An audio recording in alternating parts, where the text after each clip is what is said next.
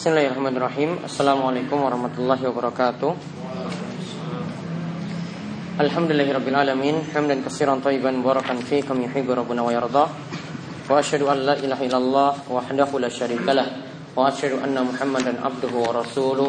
Allahumma salli ala nabiyina wa sayyidina muhammad Wa ala alihi wa man tabi'ahu bi sanil yamiddin Allahumma anfa'na bima alamtana Wa alimna ma yanfa'una wa zidna ilma Baik, ikhwanifiddin wa khatifillah rahimani wa rahimakumullah. Kita kembali melanjutkan Pembahasan kita dari hadis Arba'in An-Nawawiyah. Dan setelah itu nanti kita akan membahas Masalah fikih dari matan Abi Syuja atau matan Al-Ghayya wa Takrib.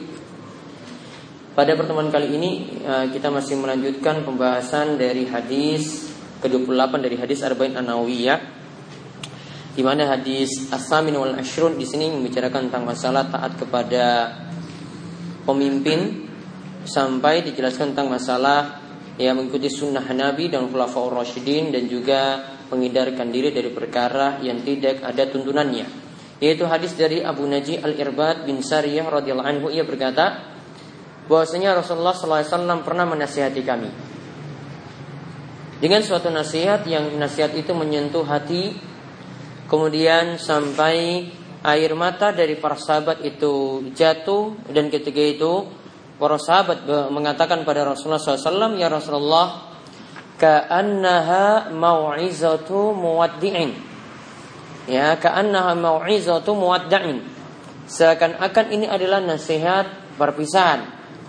Fa'ausina maka berilah nasihat kepada kami. Maka ketika itu Rasulullah SAW bersabda usikum bitaqallahi azza wajalla Ya hendaklah kalian yang aku wasiatkan kepada kalian untuk bertakwa kepada Allah Azza wa Jal. Wasam'i wa ta'a dan hendaklah kalian dengar dan taat kepada pemimpin kalian. Walaupun wa in ta'ammaru 'alaikum abdun, walaupun yang memimpin kalian itu adalah seorang budak. Fa innahu may karena di antara kalian nantinya itu akan di antara kalian itu akan hidup fasayar ikhtilafan katsira dan akan melihat perselisihan yang begitu banyak. Fa'alaikum bisunnati maka berpegang teguhlah dengan sunnahku wa sunnatil khulafa'i rasyidin al-mahdiyyin dan juga sunnah dari khulafa'ur rasyidin al-mahdiyyin adzu 'alaiha binawajid dan gigitlah sunnah tersebut atau peganglah sunnah tersebut dengan gigi geram kalian artinya peganglah kuat-kuat Wa iyyakum muhdatsatil umur dan hati-hatilah dengan perkara yang dibuat-buat dalam hal agama. Fa inna kulla bid'atin dolala karena setiap bid'ah itu sesat. Hadis ini diriwayatkan oleh Abu Daud dan Tirmizi dan hadisnya adalah hasan sahih. Beberapa hal di sini sudah kita bahas sampai pada taat kepada pemimpin. Ya, sampai taat pada pemimpin. Dan Kemarin sudah dijelaskan ketaatan pada pemimpin. Ini bisa jadi dibagi menjadi tiga hal. Bisa jadi taat pada perkara yang wajib. Wajib secara syar'i. Jadi secara ketentuan syar'i itu adalah wajib asalnya. Maka ketika itu pemimpin ditaati karena kita menjalankan perintah Allah. Pemimpin itu ditaati karena kita menjalankan perintah Allah. Jadi bukan semata-mata karena perintah dari pemimpin tersebut. Namun ini adalah perintah Allah yang wajib yang kita taati. Kemudian yang kedua yaitu kita yaitu yang kedua yaitu mentaatinya dalam perkara mubah. Mentaati pemimpin dalam perkara mubah. Tidak termasuk dalam suatu yang wajib, tidak termasuk dalam suatu yang haram atau dalam masalah ijtihad. Ya, atau dalam masalah ijtihad. Maka ketika itu tetap wajib taat pada pemimpin. Dan ini adalah hak pemimpin. Ya, hak pemimpin yang mereka tuntut dari rakyatnya adalah rakyat hendaklah mentaati pemimpin dalam hal tersebut. Sampai-sampai di sini bisa diberi catatan sebagaimana pendapat dari di antaranya adalah ulama Syafi'iyah. Walaupun ini dalam perkara yang menyelisihi atau yang berbeda dari pendapat ulama mazhab yang empat.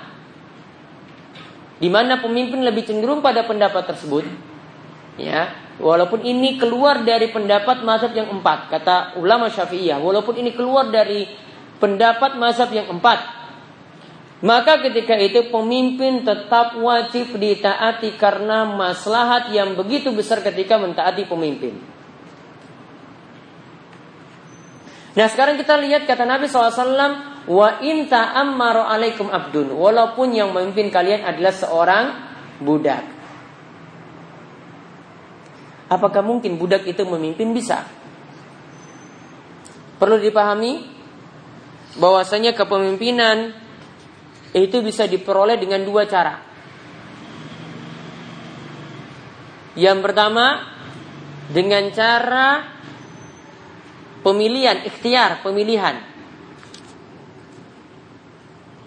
Yang kedua dengan cara kudeta. Ijbar, pemaksaan atau kudeta istilah kita.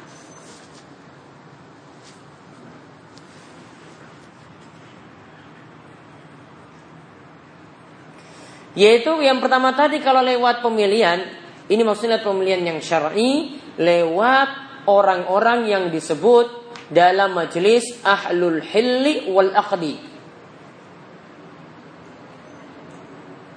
Biasa majelisnya ini disebut dengan ahlul hilli wal akdi. Yaitu diangkat orang-orang pintar di situ, orang-orang soleh, kemudian nanti mereka rembukan. Siapa di antara kita yang berhak jadi pemimpin yang pantas jadi pemimpin? Nanti akan saya sebutkan bagaimanakah pemilihan yang terjadi pada masa khalifah. Kemudian yang kedua tadi dengan cara ijbar atau pemaksaan atau kudeta. Nah ini yang kita bahas tadi wa in ta'ammara alaikum abdun. Walaupun yang memimpin kalian itu adalah seorang budak. Budak ini bisa berkuasa pada sebenarnya dari sisi orangnya dia tidak pantas untuk menjadi pemimpin. Namun kadang seorang budak itu bisa jadi pemimpin ketika dia itu mengkodeta pemimpin yang ada. Mungkin dia memiliki masa yang banyak kemudian dia mengkudeta pemimpin tersebut. Maka walaupun yang memimpin itu adalah seorang budak lewat jalan seperti ini, inilah yang dimaksudkan wajib untuk ditaati. Jadi kalau ada seandainya jalan memilih pemimpin atau jalan kepemimpinan itu ada dengan jalan kudeta, maka dengan jalan seperti itu pun wajib untuk ditaati. Namun ini bukan bukan cara mengangkat pemimpin yang jadi pilihan. Dan bukan yang asal pula. Ini bukan asal yang angkat pemimpin seperti itu. Tetap asal angkat pemimpin tadi dengan cara pemilihan seperti tadi. Namun kalau seandainya ada dengan cara dipaksa, maka tetap pemimpin tersebut wajib untuk ditaati. Maka tetap pemimpin tersebut itu wajib untuk ditaati. Nah sekarang coba kita perhatikan uh, pemilihan pemimpin dari masa khalifah yang terjadi. Yaitu kalau masa pemimpin uh, kepemimpinan Abu Bakar, Abu Bakar itu diangkat jadi pemimpin dengan nas atau dalil dari Rasulullah Sallallahu Alaihi Wasallam dan dengan ijma kesepakatan kaum muslimin. Jadi kalau kita lihat ya dari sejarah ya, ini perlu di dicatat atau perlu diingat ya. Yang pertama ketika masa khulafa eh, khilafah Abu Bakar As-Siddiq. Beliau itu diangkat dengan dalil. Yaitu di antaranya Rasulullah SAW ketika ada uzur tidak bisa sholat memimpin jamaah Abu Bakar yang ketika itu digantikan beliau. Ini sudah jadi nas bahwasanya yang nanti akan jadi pemimpin sepeninggal Nabi SAW adalah Abu Bakar As-Siddiq atau ini berdasarkan ijma.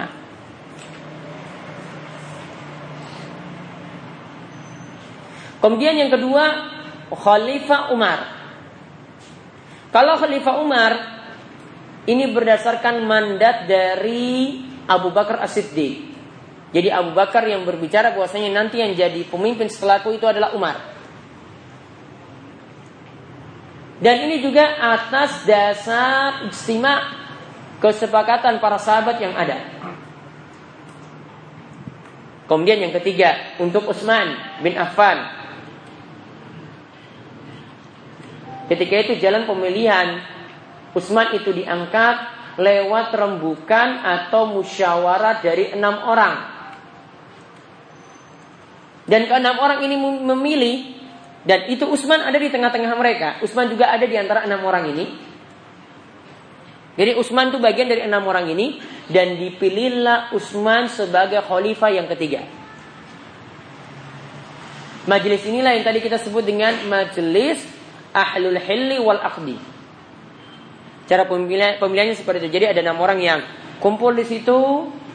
Di sini tidak seluruh orang yang dipilih. Maksudnya tidak seluruh orang yang memilih. Kalau yang ada dalam sistem demokrasi, ya semua orang itu memilih. Mau orang yang soleh, mau orang yang fasik, mau pelacur, mau pemabuk, semua dianggap suaranya itu sama. Kalau yang seperti ini adil, Orang-orang yang pintar saja yang milih, orang-orang soleh saja yang milih. Jadi pilihannya tepat. Kalau kita asalkan suara banyak, ya asalkan uangnya banyak ketika bisa mencari masa yang banyak ketika itu, maka nanti dia yang jadi pemimpin. Maka nanti pemimpinnya cenderung mencerminkan ini cerminan dari rakyatnya itu sendiri. Namun kalau ini dari orang-orang soleh yang milih dapatlah pemimpin yang soleh juga. Kemudian untuk Ali di sini ketika itu yang berbaiat cuma penduduk Madinah, tidak seluruh kaum muslimin yang ada. Namun intinya keempat keempat khalifah ini ada yang lewat nas, lewat dalil langsung seperti ya atau lewat mandat langsung seperti dari pemilihan atau pengangkatan pemimpinan dari Abu Bakar dan Umar. Ada yang oleh majelis Hilli wal Aqd yaitu tadi oleh pada kepemimpinannya Utsman sedangkan pada Ali di sini lewat bayat juga namun di sini tidak semuanya menjatuhkan pilihan kepada Ali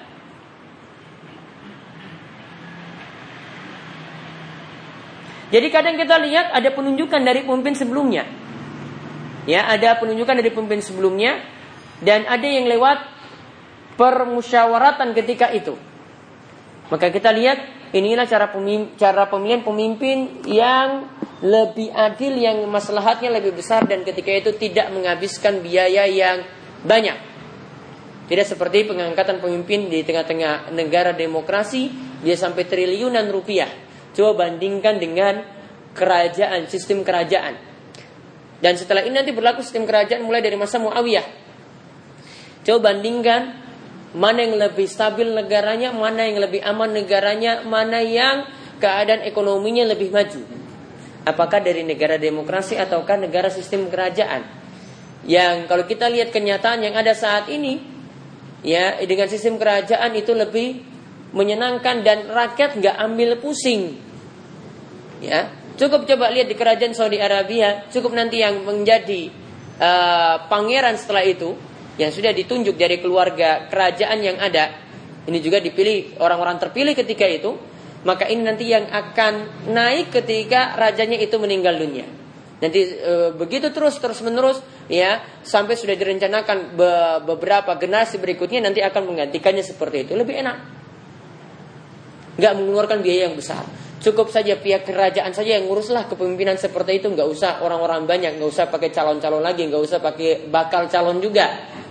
Ya, kalau dengan sistem demokrasi lebih repot, ya, dan mengeluarkan biaya yang begitu besar. Namun tidak ada yang pernah memikirkan dengan sistem seperti ini.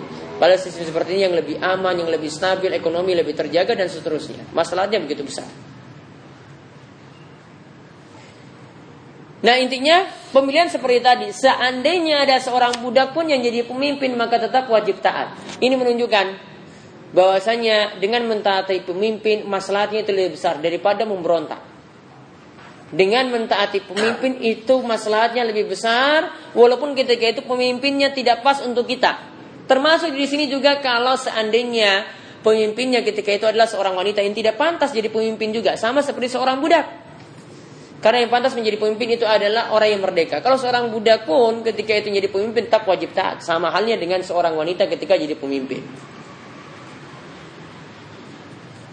Nah kemudian Nabi SAW itu katakan selanjutnya setelah menyebutkan tentang masalah ketaatan kepada pemimpin, beliau ya menegaskan lagi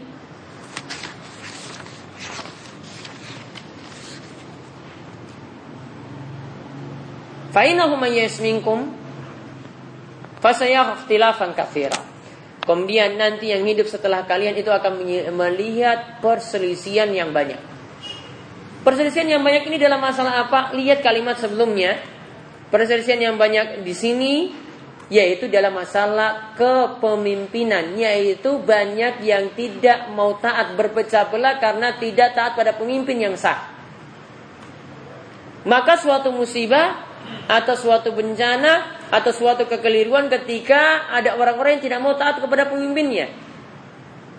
Di antara bentuknya sering menjelekkan pemimpin. Di antara bentuknya tidak mau juga mendoakan pemimpinnya. Pada lebih besar maslahat ketika seseorang itu taat pada pemimpin walaupun pemimpin tadi adalah pemimpin yang tidak dia sukai walaupun juga pemimpin tadi adalah pemimpin yang zalim. Maka pemimpin ada dua macam.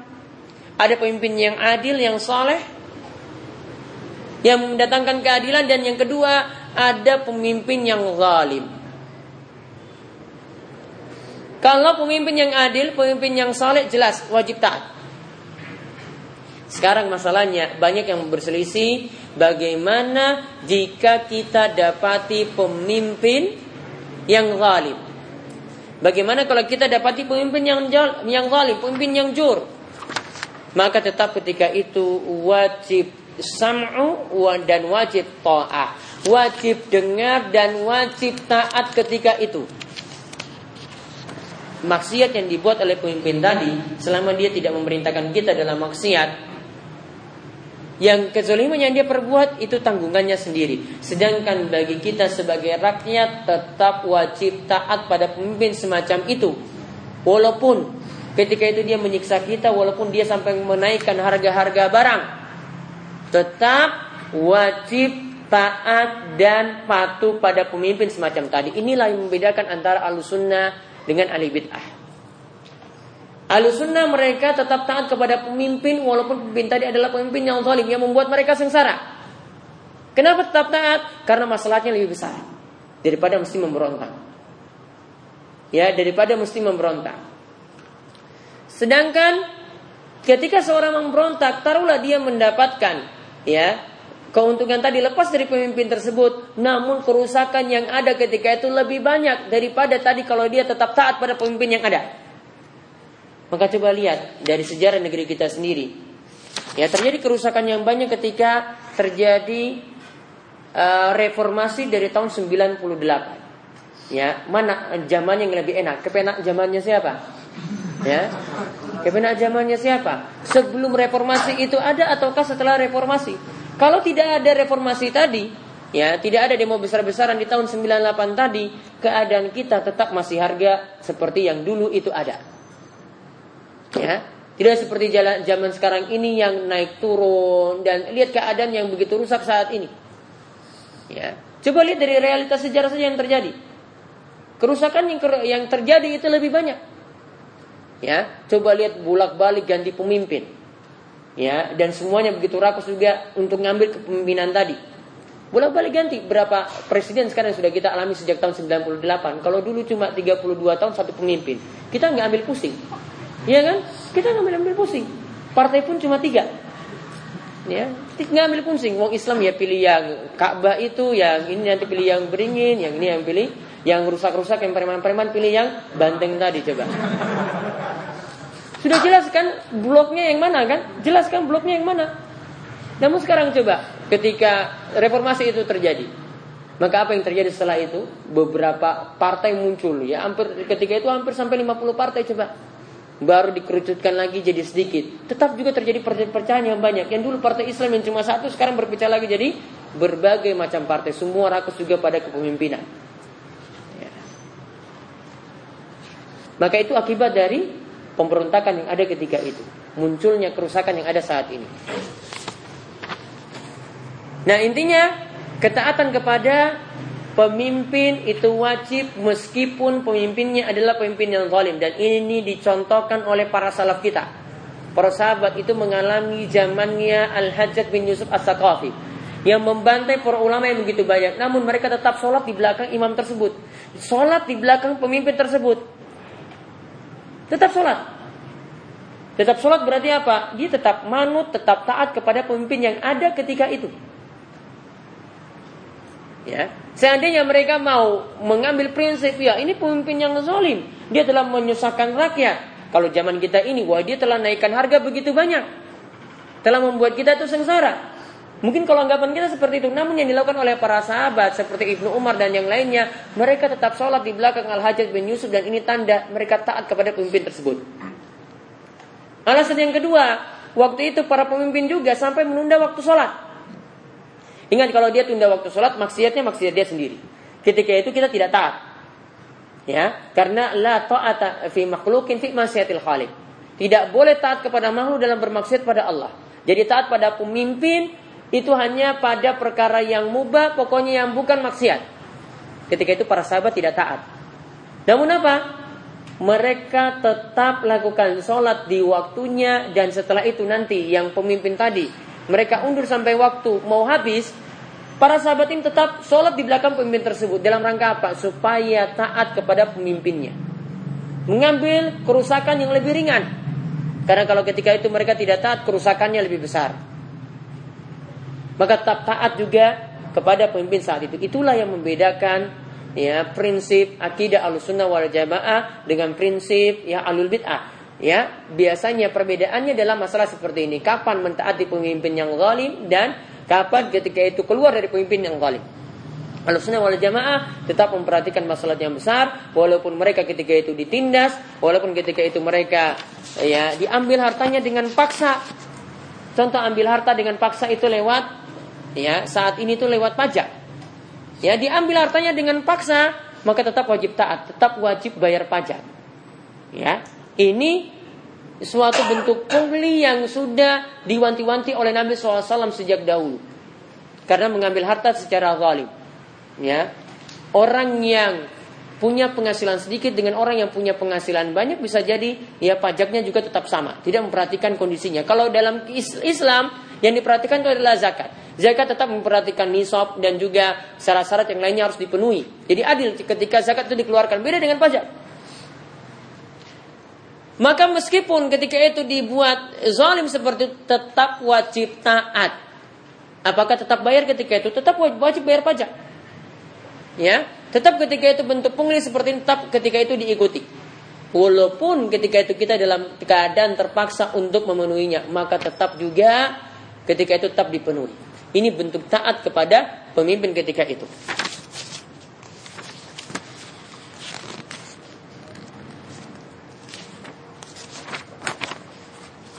Nah, kemudian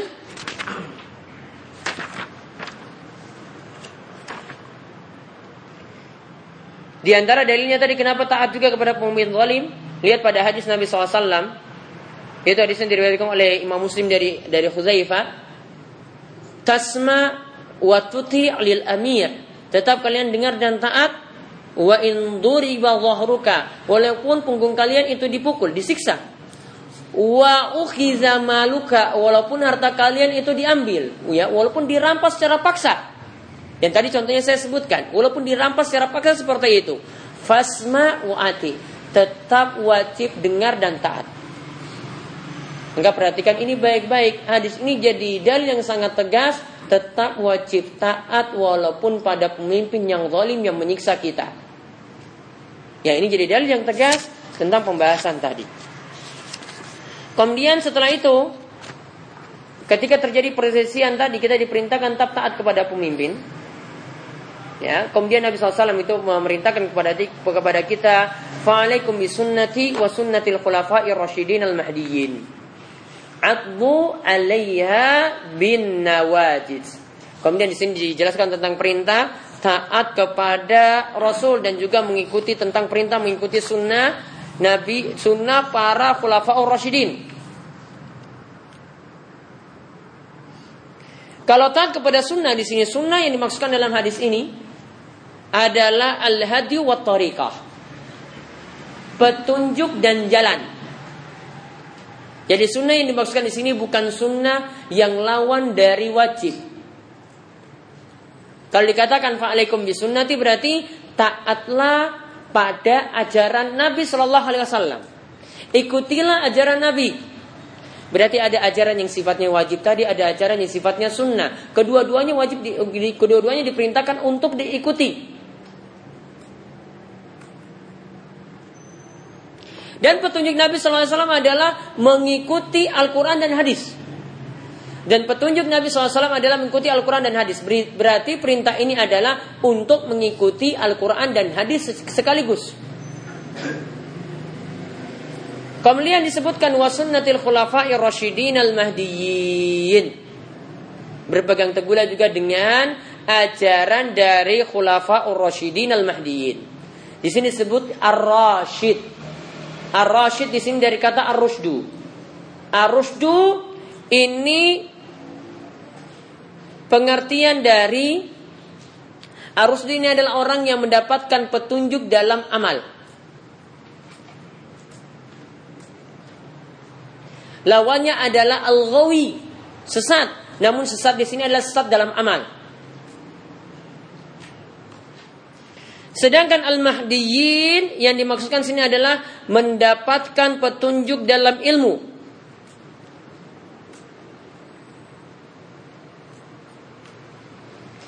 Oleh karena itu kalau dikatakan khulafa ur-rasyidin al-mahdiyin artinya khalifah yang mendapatkan petunjuk dalam amal dan juga mendapatkan petunjuk dalam ilmu.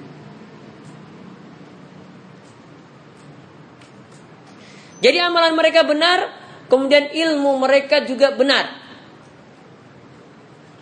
Yang dimaksudkan dengan khulafaur rasyidin di sini adalah Abu Bakar, Umar, Utsman dan Ali. Khalifah yang empat.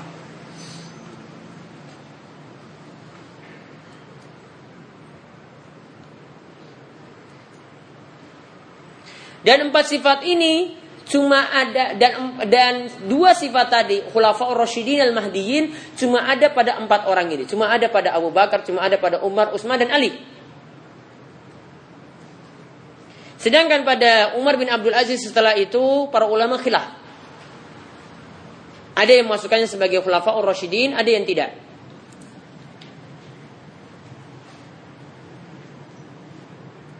Namun ada pendapat dari Imam Ahmad dan yang ulama yang lainnya memasukkannya dalam Khulafaur Rasyidin.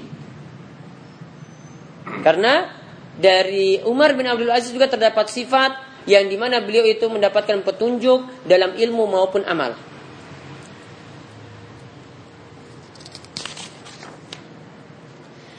Dan dari sini kalau dikatakan kita diperintahkan untuk mentaati atau mengikuti petunjuk Rasul Shallallahu Alaihi Wasallam, kemudian mengikuti petunjuk Khulafaur Rasyidin tadi, ini dengan catatan pendapat mereka itu tidak menyelisih pendapat para sahabat yang lainnya. Khulafaur Rasyidin tadi pendapat mereka tidak menyelisih pendapat sahabat yang lainnya.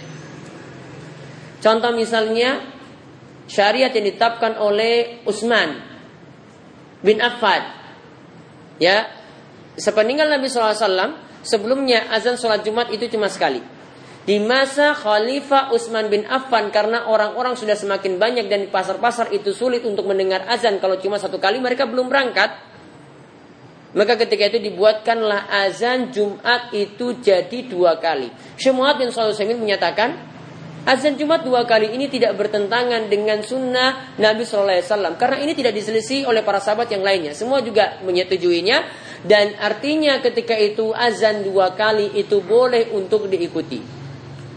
Begitu juga permasalahan ini sama halnya dengan sholat tarawih yang ditetapkan oleh Umar menjadi 23 rakaat yang sebelumnya oleh Nabi SAW dikatakan oleh Aisyah Nabi SAW tidaklah pernah lebih sholat malamnya di bulan Ramadan atau di luar bulan Ramadan lebih daripada 11 rakaat. Kalau ini ditetapkan oleh Umar dan ketika itu tidak ada seorang sahabat sahabat pun yang protes tentang hal ini, maka ini bisa kita katakan juga sebagai ijma dan boleh untuk diikuti 23 rakaat tadi dan 23 rakaat ini adalah riwayat yang sahih. Sebagian ulama men, uh, memberikan catatan atau menyatakan bahwasanya riwayatnya itu catat pendapatnya tidaklah benar. Sampai-sampai Ibnu Taimiyah itu menyatakan bahwasanya jika ada yang membatasi jumlah sholat malam itu dengan 11 rakaat atau dibatasi dengan bilangan tertentu maka dia adalah orang yang khata, orang yang keliru. Ya, dikatakan oleh yang keliru. Ini dikatakan oleh Ibnu Taimiyah dalam majmu fatwanya. Kenapa? karena jumlah rokaat sholat malam intinya tidak ada batasan minimal dan tidak ada batasan maksimal. Dikatakan oleh Ibnu Taimiyah juga oleh ulama yang lainnya seperti Ibnu Abdul Bar. Intinya kalau itu adalah sunnah dari Khulafaur Rasyidin pula maka boleh untuk diikuti seperti tadi.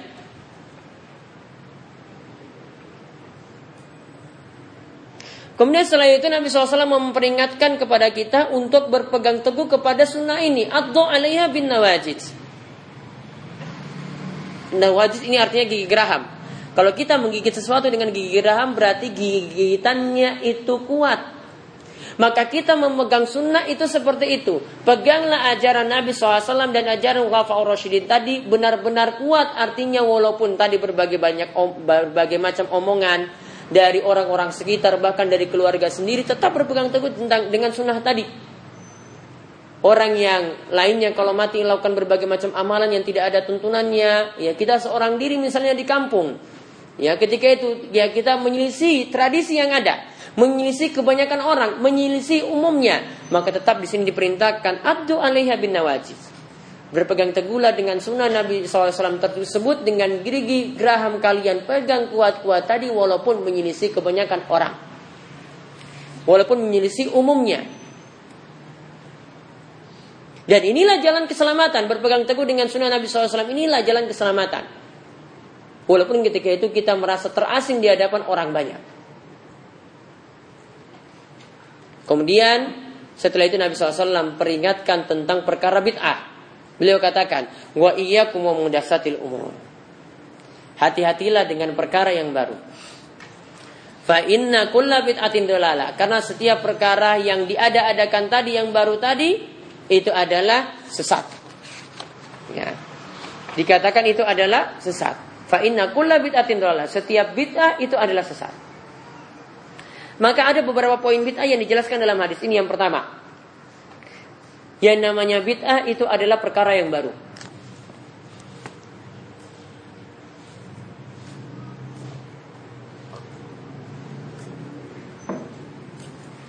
Yang namanya bid'ah itu adalah perkara yang baru. Kemudian yang kedua, ini kita timbang lagi dengan hadis kelima dulu dari hadis Aisyah yang kita bahas. Yaitu disebutkan man ahdatha fi amrina hadha. Ya, dalam riwayat yang lain disebutkan man amila amalan laisa alaihi amruna. Fi amrina hadza atau disebutkan man amila amalan laisa alaihi amruna, semua ini menunjukkan bahwasanya perkara yang baru ini yang kedua yang harus ada yang kita pahami tentang perkara bid'ah yaitu bid'ah itu adalah perkara baru dalam agama. Ya bid'ah itu adalah perkara baru dalam agama. Kemudian yang ketiga, disebut bid'ah. Syarat yang ketiga adalah tidak memiliki dalil. Baik dari yang dalil yang umum ataupun dalil yang khusus. Dikatakan laisa alaihi amruna. Tidak ada perkaranya dari kami. Artinya tidak ada tuntunan dari kami. Artinya tidak ada dalil dari kami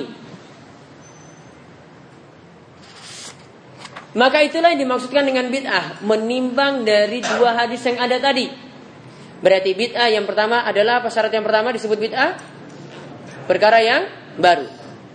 Jadi asalnya bid'ah itu baru, ya, tidak ada contoh sebelumnya.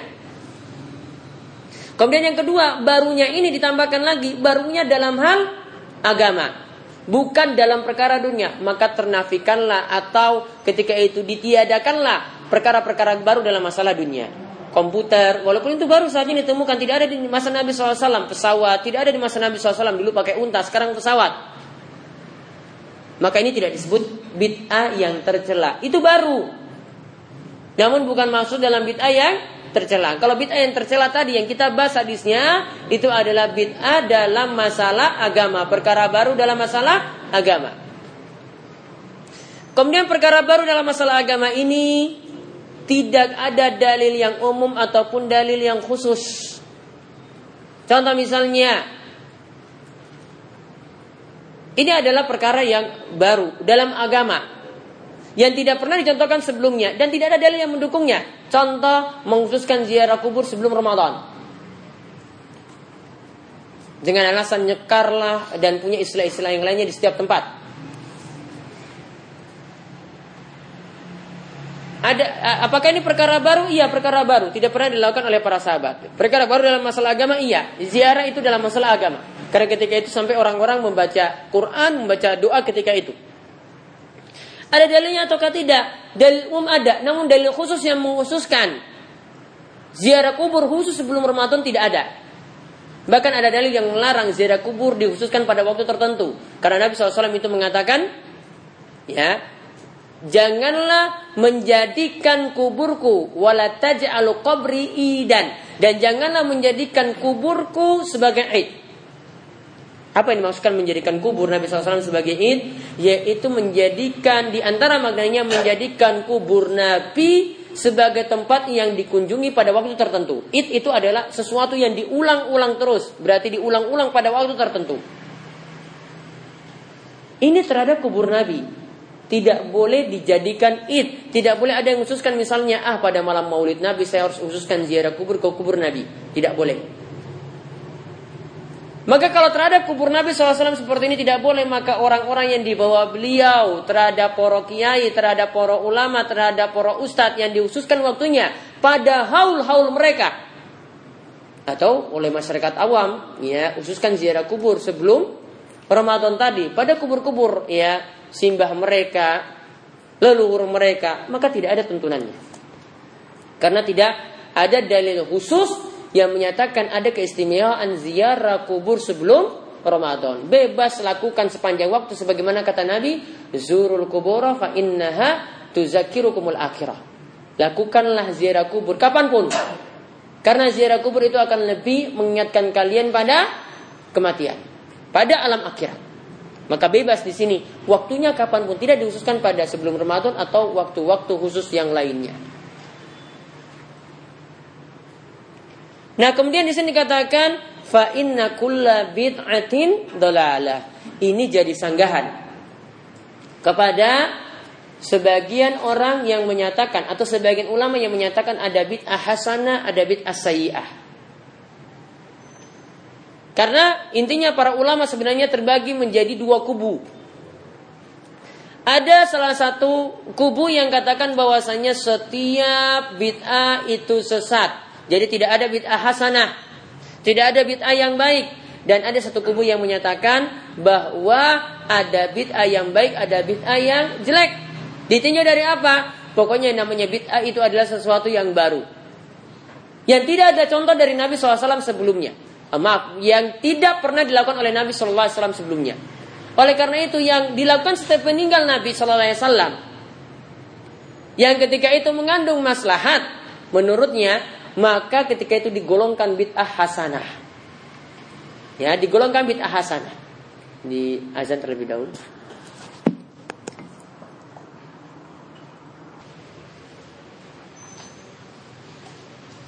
Nah, kembali tadi ke pembahasan bid'ah hasanah dan bid'ah sayyi'ah maka terbantahkan dengan hadis ini. Ya karena Nabi SAW itu katakan setiap bid'ah yaitu tadi perkara baru dalam masalah agama yang tidak ada dalilnya tadi itu adalah sesat. Maka seluruh di sini karena makna kulla ini menunjukkan keumuman. Maka seluruh bid'ah tadi itu dikatakan sesat. Adapun menurut sebagian ulama ya yang mengatakan misalnya dalam hadis yang Umar bin Khattab itu menghidupkan sholat tarawih yang di mana ketika itu sholat tarawih terpisah-pisah. Ketika itu Umar menyatakan nikmatil bid'atu hadhihi. Sebaik-baik bid'ah adalah ini. Ini perlu dipahami bahwasanya sebelumnya sholat tarawih sudah ada contohnya. Dari Nabi SAW sudah melakukannya secara berjamaah. Kemudian beliau tinggalkan secara berjamaah karena khawatir sholat tarawih tadi jadi wajib namun sepeninggal Umar, ya sepeninggal Nabi SAW dan setelah itu di zaman Umar dan seterusnya, sholat tarawih dihidupkan secara berjamaah sampai saat ini. Sehingga menghidupkan sholat tarawih secara berjamaah bukanlah bid'ah yang tercela. Berarti apa yang dikatakan oleh Umar tadi itu pengertian bid'ah secara bahasa yang maknanya adalah sesuatu yang baru dan bukan bid'ah yang tercela dalam hadis-hadis Nabi Shallallahu Alaihi Wasallam. Taruhlah kalau kita katakan ya Umar ketika itu katakan ini adalah bid'ah yang baik. Namun ingat Nabi SAW katakan seluruh bid'ah itu sesat. Seluruh bid'ah itu berarti tercela. Berarti kalau ada pertentangan antara sabda Nabi SAW dan perkataan Umar, tentu saja perkataan Nabi SAW lebih dimenangkan. Namun tentu saja ketika kita memahami perkataan Umar, kita bawa ke makna yang baik. Kita tidak tuduh Umar melakukan perbuatan bid'ah yang sesat. Namun maksud Umar tadi adalah perkara yang baru, yang ketika itu baru didudukan, namun sudah punya contoh sebelumnya. Kemudian dari sisi lain juga ada istilah maslahat mursalah. Ya ada istilah maslahat mursalah. Yaitu maslahat mursalah di sini yang dimaksudkan adalah bukan suatu perkara yang baru yang tercela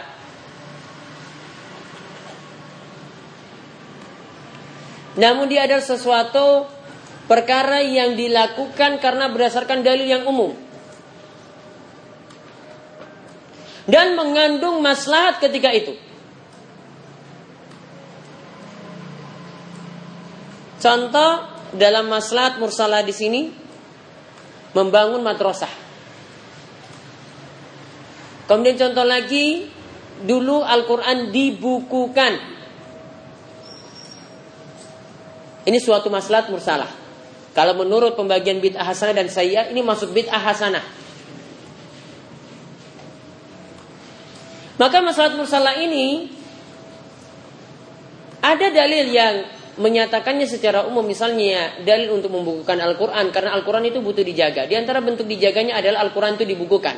Allah katakan inna nahnu nazzalna zikra wa inna lahu lahafizun. Sesungguhnya kami ini yang menurunkan Al-Quran dan kami yaitu Allah yang menjaganya. Bentuk penjagaannya yaitu dengan Al-Quran dibukukan. Maka ketika itu ada maslahat dan ada tujuan yang besar ketika itu dijaga berdasarkan dalil yang umum-umum seperti tadi. Begitu juga tadi bentuk penjagaan agama juga dengan mendirikan madrasah-madrasah atau sekolah-sekolah Islam. Dan ini walaupun tidak ada di masa Nabi SAW, namun ketika itu ada masalah ketika dibangun sepeninggal Nabi SAW atau sepeninggal generasi terbaik dari umat ini. Jadi itu mengenai masalah mursalah, jadi masih sesuatu yang dibolehkan ketika itu karena mengandung masalah yang besar. Sehingga kita kembali ke masalah bid'ah. Jadi intinya bid'ah adalah sesuatu yang baru. Sesuatu yang baru ini adalah masalah agama dan tidak didukung oleh dalil yang sifatnya umum atau didukung oleh dalil yang sifatnya khusus dan tidak pernah dilakukan oleh generasi-generasi terbaik dari umat ini. Adapun ketika ada suatu masalah atau ini tinjauannya dari bid'ah secara bahasa, maka itu bukan masuk dalam bid'ah yang tercela dan hadis ini tadi sekaligus menjadi bantahan bagi ulama yang membagi bid'ah juga ada yang membaginya sebagai bid'ah, ada yang wajib, ada yang sunnah, ada yang mubah, ada yang makruh dan ada yang haram. Seperti yang dilakukan oleh Al-Is Ibnu Abdissalam. Dikatakan oleh Syekh Saleh Al-Syekh bila nyatakan bahwasanya ini bentuk perkara yang baru yang dibuat-buat juga karena menyelisihi hadis Nabi SAW yang menyatakan seluruh bid'ah itu adalah bid'ah yang tercela suatu seluruh bid'ah itu adalah bid'ah yang diancam dengan sesat. Taruhlah kalau ada yang membantah misalnya kullu lafaz kullu tetap maknanya itu adalah sebagian bukan seluruhnya. Baik, kalau kita katakan bahwasanya taruhlah ada bid'ah yang hasanah berdasarkan tadi pengertiannya katanya tidak seluruh bid'ah itu sesat. Berarti kita bisa nyatakan juga berarti ada orang sesat yang masuk surga. Ya berarti kita bisa nyatakan juga ada orang yang sesat masuk surga. Karena kalau tidak sesat tadi dikatakan tidak sesat diancam dengan neraka berarti sesatnya nanti masuk surga. Apakah ada yang mengakui bahwasanya ada sesat yang masuk surga? Tentu tidak ada yang mengakui demikian. Ya, maka intinya dalil tadi lebih memenangkan pendapat ulama yang menyatakan seluruh bid'ah itu tidak uh, tidak ada yang hasanah, seluruh bid'ah itu dikatakan sesat. Taruhlah kalau ada yang menganggapnya ada bid'ah hasanah, maka maksud dari perkataan Imam Syafi'i dan ulama-ulama yang mengikuti pendapat Imam Syafi'i semuanya dibawa ke makna mereka itu menyatakan ada bid'ah hasanah yang berdasarkan dalil atau yang bersesuaian dengan dalil. Sehingga kalau ada bid'ah yang tidak sesuai dengan dalil menurut mereka maka itu tidak digolongkan dalam bid'ah hasanah namun masuk dalam bid'ah sayyi'ah Kemudian kalau kita tidak membagi seperti itu juga ada manfaat. Yaitu setelah itu tidak ada muncul lagi pendapat yang menyatakan, ah ini kan menurut saya kan baik. Jadi tidak apa-apa dilakukan. Ya biar tidak muncul lagi pendapat-pendapat semacam itu. Karena kita katakan bahwasanya ya kalau tidak ada dalil ya sudah. sudah kita katakan ini masuk dalam golongan bid'ah dan ini adalah masuk dalam bid'ah yang tercela. Wallahu a'lam itu pembahasan kita terakhir dari hadis Samin wal Ishrun hadis 28 nanti insyaallah ya hadis yang berikutnya nanti kita bahas setelah Ramadan dan setelah Isya kita berlanjutkan dengan matan al-ghayat